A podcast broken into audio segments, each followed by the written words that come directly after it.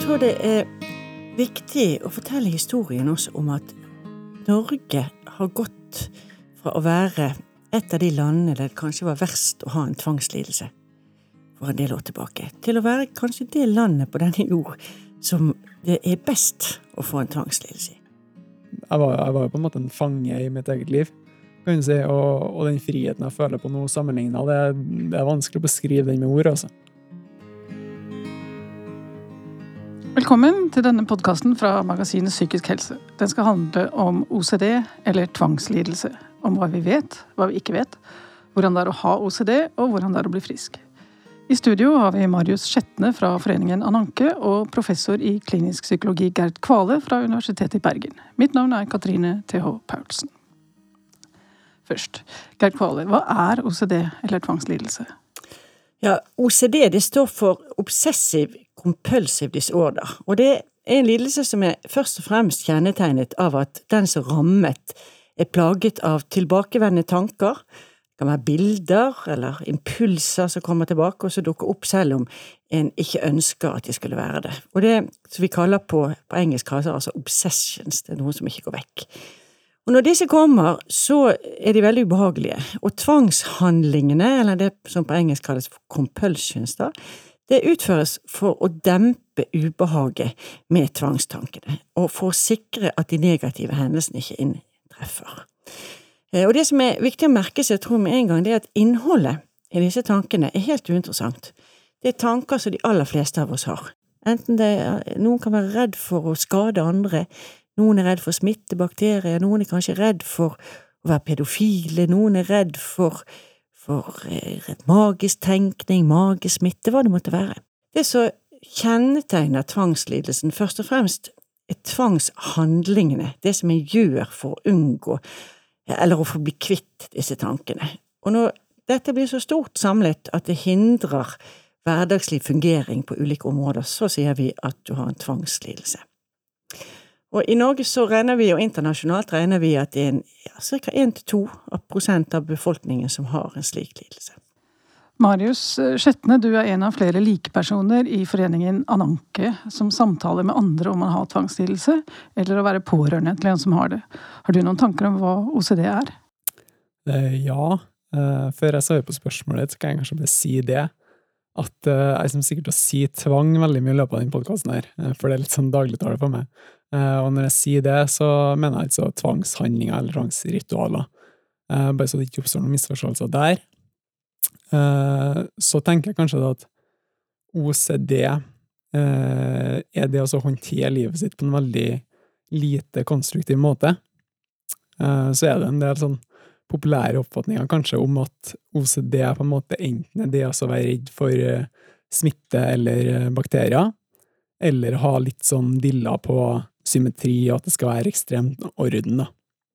Eh, alle som har vært på besøk hos meg og kona mi, vet jo at eh, OCD absolutt ikke er forbeholdt de to kategoriene, eh, for det kan jo være ganske bomba. Eh, og, og, og, det er jo egentlig bare fantasien som setter grenser for hva det er man kan ha angst for. Eh, det kan være alt fra religiøse frykter til det å være redd for at eh, man skal skade noen man er glad i. Uh, og så tenker jeg også at uh, det uh, atferden på en måte som er hovedskillet mellom psykisk friske og personer med OCD. for det er litt som Geir er inne på, at alle kan jo på en måte ha tvangstanker og angst til en viss grad, men det er på en måte i hvordan vi forholder oss til de tankene og den angsten det på en måte skjærer seg for folk med OCD. da. Er det farlig?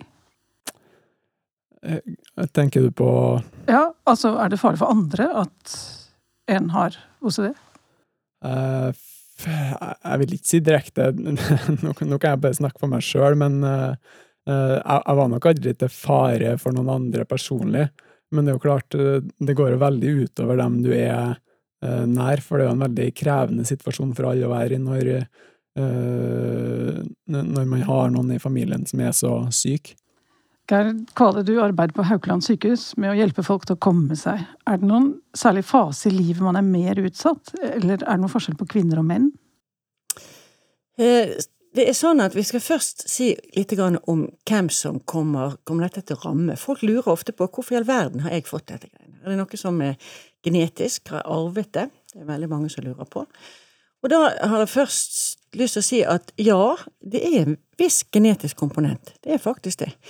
Men den er ikke større enn at det er mer typisk å ha foreldre som ikke har OCD, enn å ha foreldre som har OCD.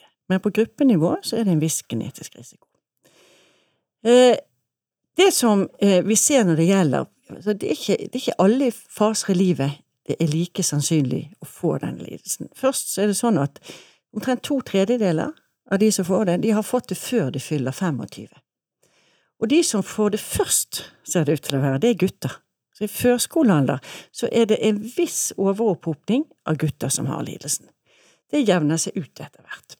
Så kommer det den første, på en måte, risikofasen som vi snakker om. Det er når en kommer i puberteten. Og da har en jo lurt veldig på, er dette her snakk om det hormoner, er det fysiologiske, er det på en måte alt det som skjer i kroppen, eller handler det om at en kommer i en periode der en begynner å få mer ansvar for livet sitt, eh, for helsen sin, for det en gjør? Fordi at det som er karakteriserer ofte folk med tvangslidelse, det er i hvert fall ikke en underansvarlighet. Det er, en slags sånn at når en blir veldig redd for å gjøre noe skade, eller å forvolde, på en måte ikke gjøre ting på en grei nok måte. Så da er det liksom den andre fasen. Eh, det er i puberteten. Og den tredje fasen, sårbare fasen, det er når en får barn. Og da tenker en på samme, er det fordi at dette er hormonelt, er det kroppslige, eller er det på en måte det økte ansvaret? Og det har vist seg at det er akkurat det er Vi har hatt svært mange, både fedre, OCD-en debuterer når en skal få barn, og folk som adopterer. Så at det er et samspill mellom fysiologi og biologi, den er, tror jeg er ganske klar.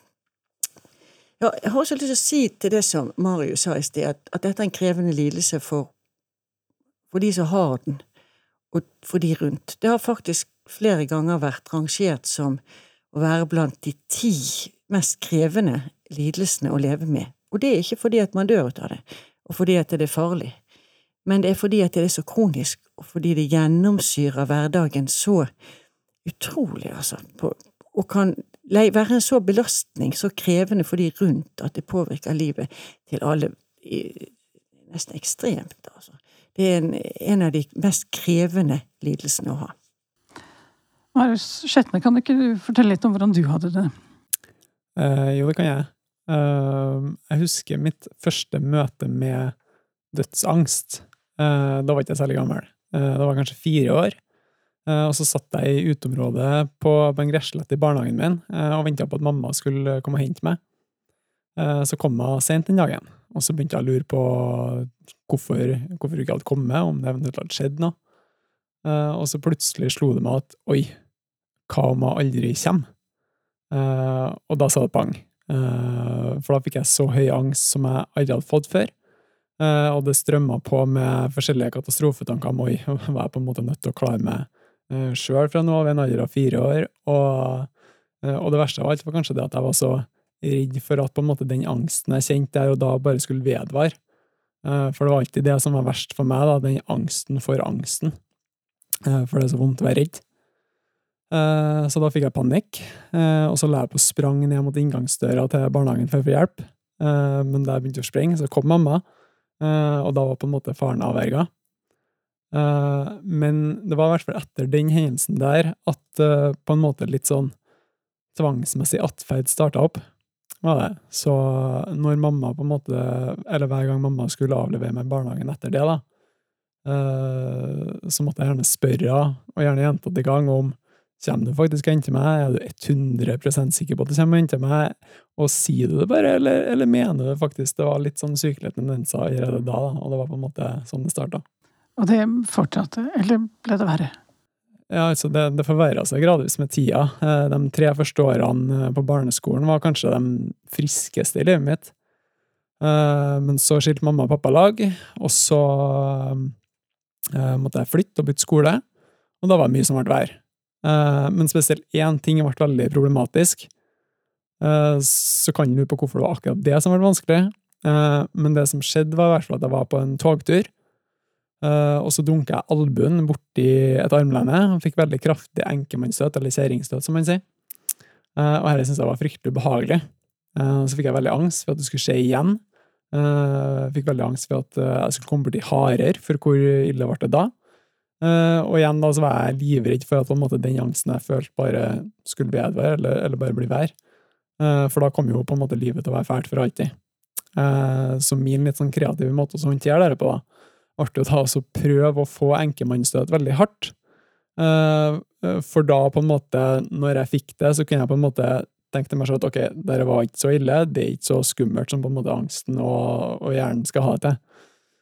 Problemet med den strategien er at det er jo ganske ubehagelig å få enkeltmannsstøt. Uh, så det var ikke alltid så enkelt å overbevise om at det ikke var så ekkelt. Så jeg kunne jo gjerne bli sittende i type 30 minutter, en time i strekk, og da dunke albuen ned mot enden av et bord, for eksempel. Uh, før jeg på en måte føler at jeg fikk litt kontroll, og at jeg kanskje fikk dempa angsten litt. da. Uh, så det var på en måte mitt første møte med veldig sånn fysisk krevende tvang. Og det ble den verste tvangshandlingen for deg? Uh, nei, det skulle på en måte gradvis gå, gå over i noe som var, ble vær. for da jeg var sånn rundt 10-11 år gammel, så fikk jeg tannregulering. Og så begynte det å oppstå veldig mye sånn diffuse nakkesmerter. Uh, og så skjønte jeg ikke helt hvorfor, men jeg ble veldig redd igjen da, for at det på en måte skulle de bare skulle vedvare, eller bare skulle bli vær og vær. Uh, og, og, det var veldig angstskapende, og, og, samtidig ble jeg veldig deprimert, da, for at på en måte livet var så vanskelig i en såpass ung alder. Uh, så igjen så ble på en måte min måte å prøve å håndtere det på, så begynne å vri og vende på nakken for at det nakkeubehaget skulle minke. Eh, men heller ikke det var så enkelt å få til. Og ettersom nakkeproblematikken bare ble eh, hver og hver med årene, så ble også tvangshandlingene eh, mer og mer slitsomme og mer og mer brutale. Så på mitt verste da, så kunne jeg sitte i type 24 timer i strekk og bare rive så hardt jeg kunne i nakken, for at et eller annet på en måte skulle løsne eller bare bli bedre. da. Så det var jo klart desperate tider og veldig traumatisk på sitt verste. Men da gikk det ganske lang tid. Når fikk du diagnosen, og når fikk du behandling? Eh, jeg fikk vel ikke diagnose før jeg var 18 år, så vidt jeg kan huske. Og eh, så er det egentlig litt sånn merkelig sett i ettertid at den ikke ble satt før, for jeg var jo veldig syk i årene opp mot diagnosepunktet òg. Eh, men samtidig så hadde jeg på en måte hatt angst helt fra barnsben av, så det var på en måte alltid noe naturlig for meg. Eh, så hadde jeg også fått en ME-diagnose da jeg var 16, så vi lurte kanskje på om det var noe somatisk som på en måte var hovedårsaken at jeg slet sånn.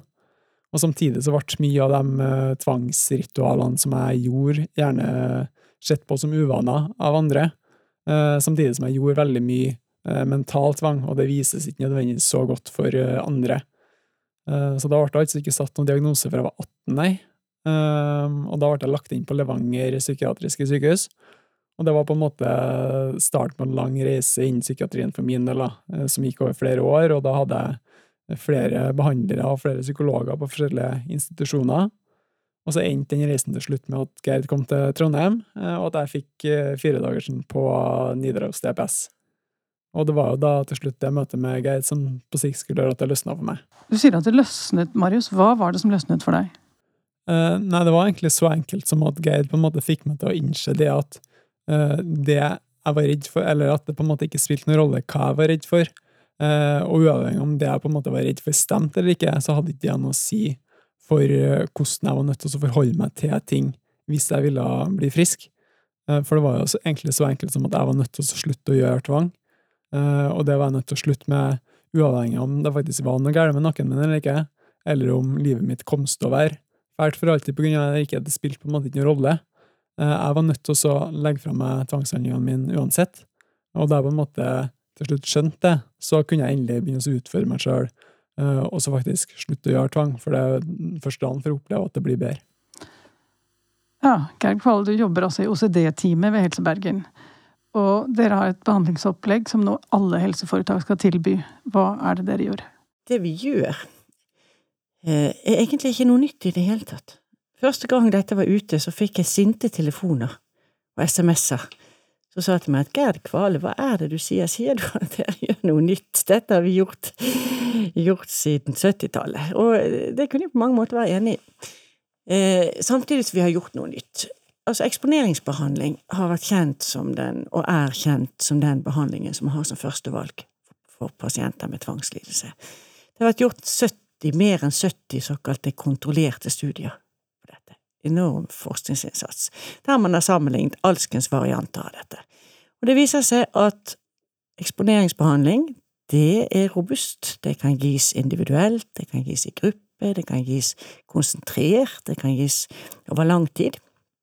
Og når Bjarne og meg traff hverandre og begynte å jobbe sammen i 2011 Det er Bjarne Hansen. Bjarne Hansen. Som også Bjarne. er professor ved Bjarne Hansen er professor i klinisk psykologi. Han jobber i OCD-teamet i Helse Bergen. Begynte han i 2011. Vi begynte sammen.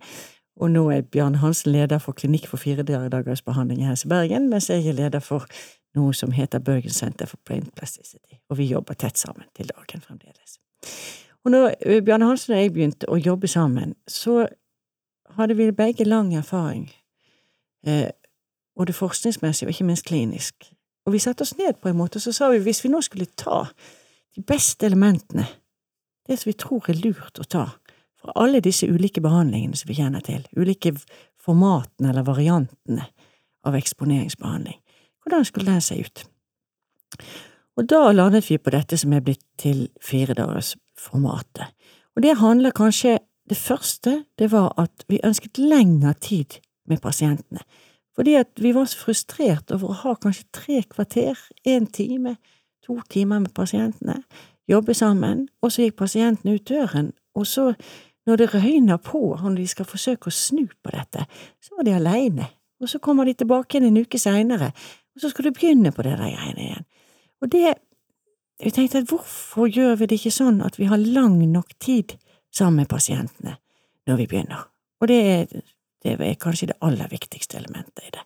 Så rammes det inn, da, ut av at vi har en, en dag først, kvart dag, en halv dag, der vi underviser om tvangslidelse, og en halv dag på slutten, eller kvart dag, litt avhengig av størrelse på gruppen, der vi planlegger veien videre. Og så har, tenkte vi at det er Vi må ha individuell behandling for vi må ha fleksibiliteten til å være sammen med folk, der de trenger det, når de trenger det, for å snu dette prosjektet, for det er ekstremt krevende, ekstremt krevende for en som har en tvangslidelse, å skulle ta sjansen på å slutte med ritualene på egen hånd, altså. Det er som å invitere folk til å, til å stupe fra timeteren uten å, uten å være sikker på at det er vann i bassenget, altså. Sånn at, at vi ville ha Eh, lang nok tid, være sammen med pasientene, men samtidig så er tvangslidelse den kan ta så utrolig mange så utrolig mange varianter ut av den. Så vi tenkte at hvis vi jobbet med folk sammen i en gruppe, så hadde helt ulike former for tvang. Så tenkte vi at hvis vi setter det sammen, så vil det bli mye tydeligere for folk, lettere, å på en måte forstå at det ikke er innholdet i tvangstankene som er det sentrale. Det er det du gjør når disse tankene melder seg. Så derfor så har vi laget et format som heter individuell behandling i en gruppesetting, og det tar altså fire dager. Og det er like mange behandlere der som det er pasienter. Og altså fire dager, da skal den enkelte møte angsten sin, for det er en angstlidelse. Det kan bli veldig voldsomt? jeg tror det jeg, De fleste som har vært med i en sånn gruppe, vet at det ikke ja, det er voldsomt, men først og fremst er det kanskje utrolig Det er en fantastisk setting, syns jo jeg, da, at du får lov til å være sammen så tett med folk på en helt spesiell måte i fire dager. Og hvis dette hadde vært krampaktig angst hele tiden, så hadde vi aldri orket det. Det er en, en veldig sånn veksling mellom ulike både oppgaver og stemninger og måter å forholde seg til, med mye latter og mye humor og tøys og tull i det, selvsagt i dette. Du spurte om dette ikke kan bli for ubehagelig. Ja, på sett og vis så er det slik at det første vi gjør, er jo selvfølgelig å forklare det til folk i forkant, så de vet jo hva de går til. Eh, så, og de fleste skjønner, med tvangsstil så skjønner de fleste at det de gjør er tøysete. De har på en måte en innsikt i det, en skam for det, eh, og de forstår at egentlig så kan de ikke fortsette å vaske seg på denne måten. Vaske seg hele døgnet, eller sjekke, eller gjøre rare ting, rare ritualer, men de får det ikke til. De, de klarer ikke å bryte mønsteret. Men skal du bryte mønsteret, så må du først få dette angstsystemet i gang. Og derfor så sier vi at vi oppsøker angst og ubehag, for det er på sett og vis gull verdt, altså det er råmateriale for endring. Og når du da har angsten og ubehaget på plass, så kan du begynne å bryte dette mønsteret med å gjøre andre ting enn det som OCD-en vil at du skal gjøre. Og det er krevende, og da trenger du ofte å være veldig tett innpå når de valgene gjøres. Eh, men når du lærer det, når du knekker den koden, og det gjør svært mange eh, i løpet av de fire dagene, så har du på en måte fått et redskap der du begynner å skjønne at det som er essensen, er ikke å være Et liv uten tvang er ikke et liv fritt for vonde og vanskelige tanker, eller angst som kommer og går, men det er et liv der du ikke regulerer livet ditt, der du ikke lar disse tvangstankene eller disse følelsene få lov til å bestemme. Og her kan jeg egentlig komme med en kommentar, for det, eh, jeg tror kanskje at det er en del uh, urealistiske forventninger til den firedagersen. Uh, for at den har fått utrolig mye velfortjent skryt. Uh, og Geide Bjarne har jo oppnådd ufattelig bra resultater med det behandlingsformatet her. Uh, men jeg tror kanskje det er en del som tenker sånn som jeg gjorde, at nå kommer jeg på en måte og skal få den behandlinga her over de fire dagene, og hvis jeg på en måte ikke Altså enten så er jeg full klaff og på en måte knipser fingrene så er alt bra etter fire dager, Uh, og hvis jeg ikke får til det, så er jeg på en måte uh, Det er doomed, kan du si. Da, da blir ikke jeg bra. Uh, og det er jo ikke tilfellet. For jeg husker jo de fire dagene for meg personlig var jo egentlig en liten katastrofe. Og på dag fire så satt jeg jo og skreik i hjørnet av behandlingsrommet etter at vi var ferdig, fordi jeg på en måte følte at min siste beste sjanse for å bli bra ikke hadde ført noen sted. Uh, og, da var jeg jo sengeliggende et år etterpå, før jeg tatt begynte å ta steg i riktig retning. Og, det takker jeg jo Geir og Firedagersen for, men grunnen til at jeg sier det, er for at det, det, finnes kanskje andre som befinner seg i samme båt som meg nå, eller kommer til å gjøre det en dag. Og da er det veldig viktig at de skjønner at selv om det ikke blir full klaff, eller klaff i hele tatt for den saks skyld, under de fire dagene, så betyr ikke det at de ikke kan bli bra, for det kan de. Det tok ett år for deg, det, Marius. Hvorfor tok det så lang tid? Uh, nei, det var nok fordi jeg hadde veldig urealistiske forventninger, på en måte, og, og veldig store vrangforestillinger med tanke på hva det å bli frisk fra OCD egentlig betyr. Uh, uh, fordi jeg, da jeg kom i behandling, så tenkte jeg på en måte at hvis jeg klarer å bli frisk nå, så, så, kommer ikke livet mitt til å være så fælt lenger. Uh, og så kan jeg kanskje tenke at det, det, er veldig rart å tenke det, men det var på en måte uh, sånn jeg så for meg at ting kom til å bli. da. Men det er jo som det Geit sier, at det er jo på en måte Det stemmer ikke i det hele tatt, fordi at selv om du blir frisk, så kan du ha masse angst, du kan ha masse tvangstanker, og og, og, livet kan generelt være skikkelig tøft for det. og det var på en måte først når jeg begynte å skjønne det, Eh, at, at ting omsider skulle løsne. Men øh, du sa frisk. Hva legger du i frisk? Uh, nei, jeg, jeg, legger vel egentlig bare Altså, det å være frisk for meg vil jeg egentlig bare si at det altså eksisterer uten tvang. Uh, fordi det er egentlig de uh, tvangshandlingene som gjør deg syk. og da er det klart, hvis du da slutter å gjøre de tvangshandlingene, så tenker jeg jo på mange måter at man egentlig er Eh, psykisk frisk. Eh, og så er det veldig mange som kommer i behandling, eh, meg inkludert, som jeg tror tenker at nå er det et eller annet jeg må oppnå, eller et eller annet jeg må få til for å på en måte bli bra. og jeg husker jo jeg sjøl mange ganger under behandling på en måte sa det at jeg klarer ikke å bli frisk, jeg klarer ikke å gå hit. Og det er jo egentlig litt ironisk, for det er egentlig ingenting en skal få til. Um, og, og, da går det egentlig an å dra en parallell til uh, rusavhengige. For det er litt på samme måte at de, uh, de tar narkotiske stoffer som på en måte ødelegger livet deres og, og, og, gjør dem veldig syke. Uh, og for at de skal bli bra igjen, så er det egentlig ikke noe annet de er nødt til å få til enn å slutte å gjøre det som på eh, på en måte i utgangspunktet begynte å ødelegge livene deres, for da, for da er de egentlig friske. Uh, og på samme måte tenker jeg at det er for folk med OCD, som, som gjør tvangsritualer, som forårsaker veldig mye lidelse. Uh, hvis de da klarer å legge fra seg den tvangen, så ja, de kan ha angst, de kan ha tvang, og livet kan være vanskelig. Men da tenker jeg at da, da er de egentlig friske, oppegående mennesker. Og, og, da slipper de i hvert fall den tvangen, for, for, det er så vondt og så unødvendig. Et år er veldig lenge, men alle blir jo ikke så syke. Nei, de, de, gjør ikke det. Eh, det som er mest typisk etter de fire dagene, det er at folk begynner å leve et, et annet liv, altså. Det tar en stund før de kommer på autopilot. Før det er sånn at hver gang tvangen frister en, for tvangen er på en måte en frister, den, den ber deg om å gjøre disse ritualene. Den vil på en måte bestemme, og, og den tvangen vil friste i så mange situasjoner der en hele tiden, til å begynne med, må være bevisst at der har en en valg. Hver gang en sånn fristelse kommer, så vil en kunne ha en mulighet til endring. Ofte er det sånn at når de fristelsene er store, så er endringspotensialet veldig stort i en sånn situasjon. Og første tiden etter behandling så vil de fleste jobbe, være veldig bevisst på på en måte gjør jeg feil nå, eller gjør jeg Sier en takker nei til fristelsen? Lar jeg være å gjøre tvang nå? Og det må en tenke seg om. Så kommer forandringen glimtvis, det er jo så typisk. Plutselig så oppdager folk oi, der hadde jeg en fristelse, den brukte jeg ikke. Nå gjorde jeg det ikke. Og gradvis så kommer en over på denne autopiloten.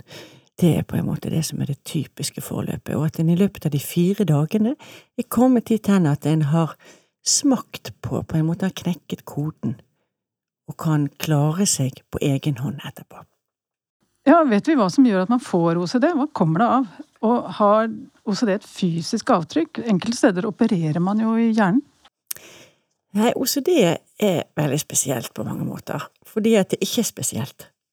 Innholdet i OCD-en, disse tvangstankene, det kan være hva som helst. Det kan være helt hverdagslige tanker som de aller fleste av oss har og som vi bare lar passere med et skuldertrekk og knapt nok det. Men så er det slik at for noen, det kan være i en eller annen situasjon, så er det en eller annen tanke som plutselig nesten sånn klebrer seg, altså.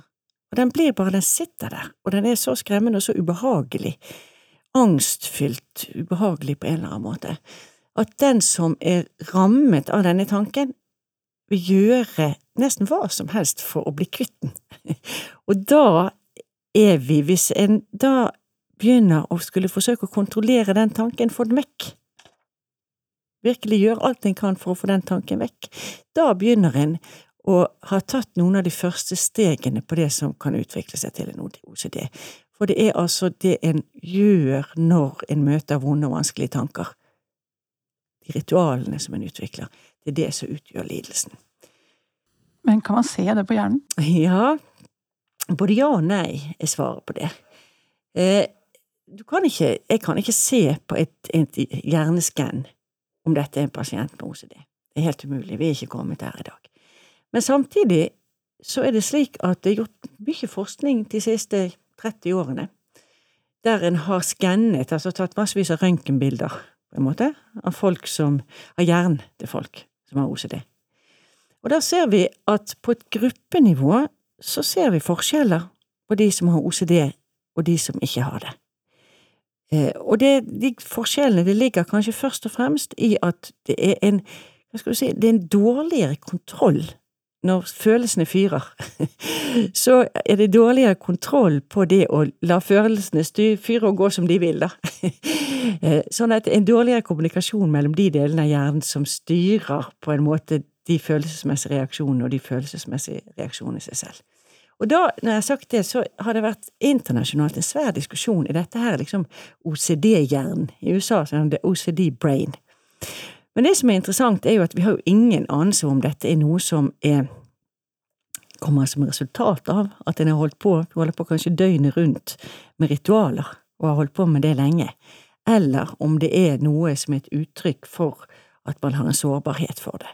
Og nå begynner vi etter hvert å så vidt se konturene av at vi har forskning der vi kan skanne folk før behandling, og så kan vi skanne folk etter behandling, og så ser vi at det som har vært av, hva skal du si, den typiske OCD-uttrykket da, det normaliserer seg. Og det er ganske fantastisk. Men den forskningen er vi kun i første delen ut av, men det er det vi jobber med.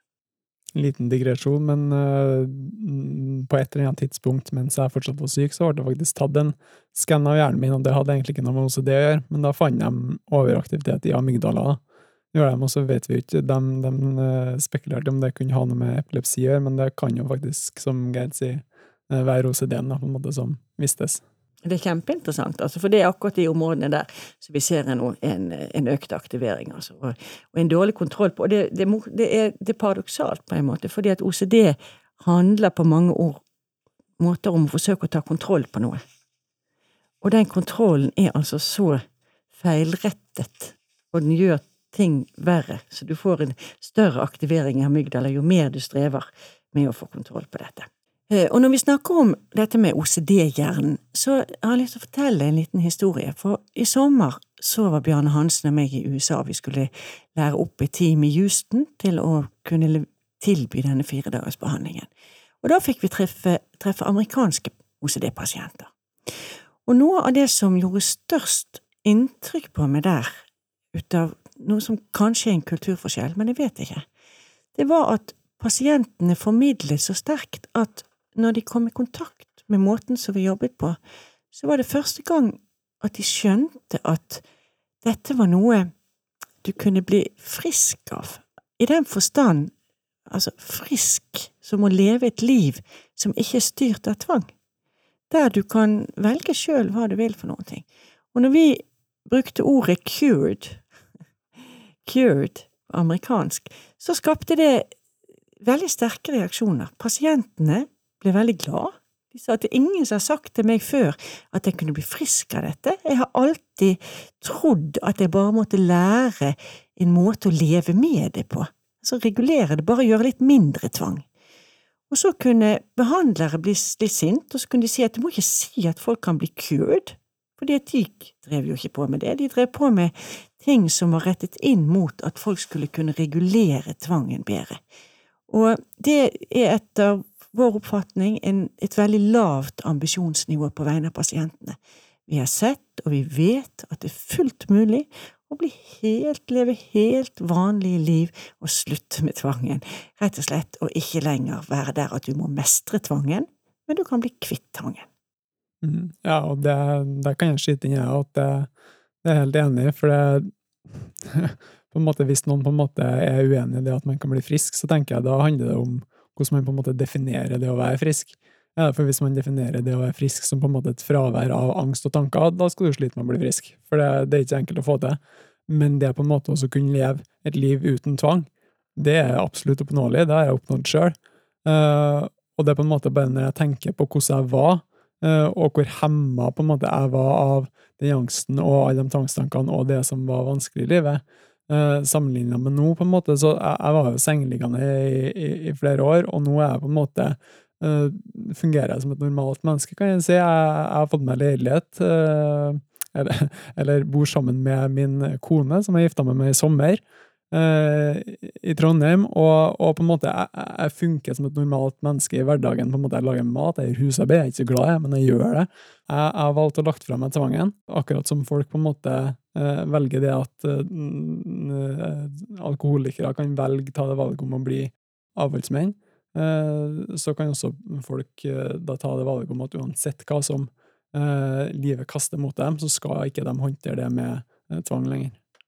Men det er altså noen, ikke i Norge, men internasjonalt, som opererer personer med OCD. Det er det. Eh, og, men før, før, skal jeg fortelle litt om det. Men før jeg sier noe om det, så har jeg lyst til å si det at vi har behandlinger som virker for tvangslidelse. Disse har vært kjent siden 66, og det er eksponeringsbaserte behandlinger. Det handler om altså at man på en systematisk måte oppsøker det som gir ubehaget, får angstsystemet i gang, får amygdala til å fyre, eh, og så bryter man med lidelsen. så gjør man ikke tvangshandlingene lenger. Det er på en måte essensen ut av det. Og, og det som var tidligere, så, så, eller noen har kanskje en forestilling om at dette er noe man bare kan gjøre én gang. Og virker ikke behandlingen, så, så er man på en måte uten håp. Eh, det er svært feil. Vi har gjort, nettopp gjennomført blant annet en nasjonal studie i Norge på folk som har hatt første eksponeringsbehandling, så har de enten ikke hatt nytte av det, eller har falt tilbake. Og det er fantastisk optimistiske resultater. Og det viser seg det at etter en ny omgang, en ny eh, periode eller en ny behandling med eksponeringsbehandling, så er ca. 50% av de som altså ikke har virket på tidligere, de er ute av lidelsen ett år senere, og i tillegg en 10–15% har fått bedring.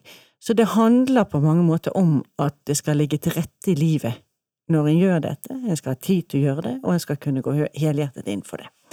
Så har vi også medikamentell behandling som et alternativ, og det har også vist seg å være noe som virker. Det kan dempe symptomene, men det vil ikke gjøre slik at man kan bli kvitt lidelsen, om man kan bruke et sånt ord. Man får en dempet symptom, og det kan være viktig for noen som har det helt forferdelig i perioder, der de nesten ikke tør å gå i gang med behandlingen engang. Og så kommer da siste alternativ, og det er noen som da har prøvd ulike behandlinger gjentatte ganger uten å komme i mål. Og da ser man at man har gjort noen studier, så vidt begynt å få det som, studie, som studier, eh, med noe som kalles for deep brain stimulation, der man implanterer, setter inn en elektrode i de relevante områdene i hjernen, og det kan være litt forskjellige områder, faktisk. Man, ikke, man enes ikke nøyaktig om hvor man skal sette det, og der man gjennom denne stimuleringen kan få en viss symptomdemping. Men dette er forskning som er på tidlig stadium. Har dere noe råd til personer som er plaget av tvangshandlinger eller tvangstanker? Ja, For det første, søk hjelp. Altså, det er jo det første. Det hjelper. Tvangslidelser kan behandles. Det er ingen grunn til at man skal leve i et sånt fengsel som det å ha en tvangslidelse er. Jeg tror det er viktig å fortelle historien også om at Norge har gått fra å være et av de landene der det kanskje var verst å ha en tvangslidelse for en del år tilbake, til å være kanskje det landet på denne jord som det er best å få en tvangslidelse i. Vi har fått bygget ut vi har spesialiserte OCD-team som er landsdekkende. Det er helt utrolig. Det er vi det eneste landet som jeg vet om som har det. Og selv om OCD er en forferdelig lidelse å ha, så er det på en måte også en bra lidelse, fordi at det er en lidelse som virkelig lar seg behandle, som er slik at du kan få et liv som er helt normalisert, uten tvang, uten at tvangen har plass i det livet. Så det er på en måte dobbelt dette. Og min erfaring er at selv om folk er skamfull, kan skamme seg over tvangen sin, så har det blitt en mye større åpenhet blant dette i Norge. Og i Norge så vet de fleste hva tvangslidelse er for noe. De fleste vet at det finnes behandling, og de fleste vet at dette er en lidelse som de ikke har skyld for å ha, og de fleste vil kunne oppsøke hjelp og, og få hjelp for det. Så jeg vil si at, at det, er, det er egentlig sjelden at det treffer på virkelig skam knyttet til det sånn direkte i våre dager. Mye større åpenhet, og med god grunn behandlingsoptimisme, tenker jeg. Veldig god grunn. Vi være stolt over det arbeidet som er gjort i Norge, fra alt fra politisk ledelse og nedover. De har gjort en formidabel jobb med å få på plass et godt behandlingstilbud for pasienter med tvangslidelse. Og det var behov for, for igjen, dette er kanskje, det har vært rangert flere ganger blant de ti verste lidelsene å ha. Så eh, at det trengs eh, å kunne gjøre den innsatsen, tenk den forskjellen på folk da som har den lidelsen som er helt bundet opp. Hverdagen er helt fullstendig gjennomsyrt ut av det. Og så får du rett behandling, får du hjelp, og så snur dette seg, og så får du et liv som er normalisert, altså. Det er en, det er en kjempeforskjell på det å leve med tvang og det å leve uten tvang. Og hvis jeg skal si noe om motoren for å jobbe med dette, så er det nettopp det at en vet, kan vet virkelig fra erfaring, fra forskning, men først og fremst klinisk erfaring, at det hjelper. Og hvis du har vært igjennom en behandling før, som Marius hadde vært flere ganger, så eh, er det ingen grunn, vi har ingen holdepunkter for, at en ny behandling ikke vil hjelpe. Snarere tvert imot så ser vi at det å ha hatt lidelse lenge, det sier ingenting om hvor bra du kan bli. Du kan ha hatt den hele ditt liv til du blir gammel, og fremdeles vil du kunne ha akkurat like god effekt. Ingenting om hvor alvorlig lidelsen er. Det forutsier ikke behandlingsresultat. Du kan ha svært alvorlige tvangslidelser og bli, gå videre i livet ditt med det. Heller ikke om du strever med andre ting. Typisk så strever man med angst og depresjon, altså annen type angst, og ikke minst depresjon. Det er jo en veldig vanlig tilstand sammen med dette. Det virker heller ikke negativt inn på behandlingsresultatet, så, så rådet mitt er gå og få behandling. Og når det er sagt også, så er det noen som tror at tenker at vi bare tenker at du må ha fire dagers behandling. Det, det er ikke slik. Eksponeringsbehandling kommer i mange tapninger og mange format. Så jeg vil si det at gå og få en behandling som gjør at du kan begynne på et liv som eh, ser annerledes ut, der tvangen ikke dominerer. Har du noe råd, Marius?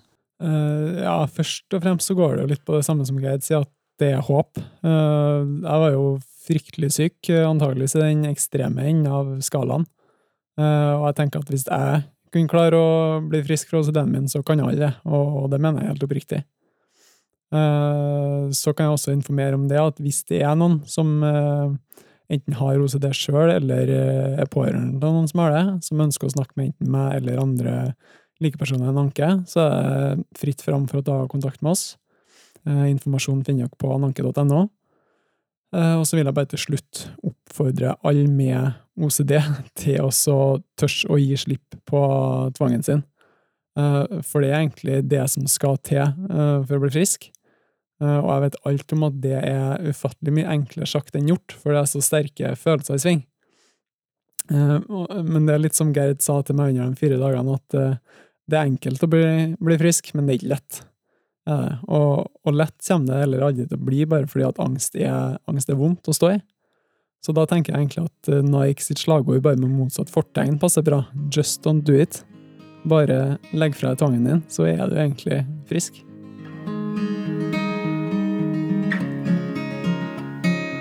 Du har hørt podkasten OCD tvangslidelse fra magasinet Psykisk helse. I studio var Gerd Kvale fra OCD-teamet ved Helse Bergen og Marius Skjetne fra foreningen Ananke. Dette programmet er produsert av Vrang Produksjoner og finansiert av stiftelsen DAM.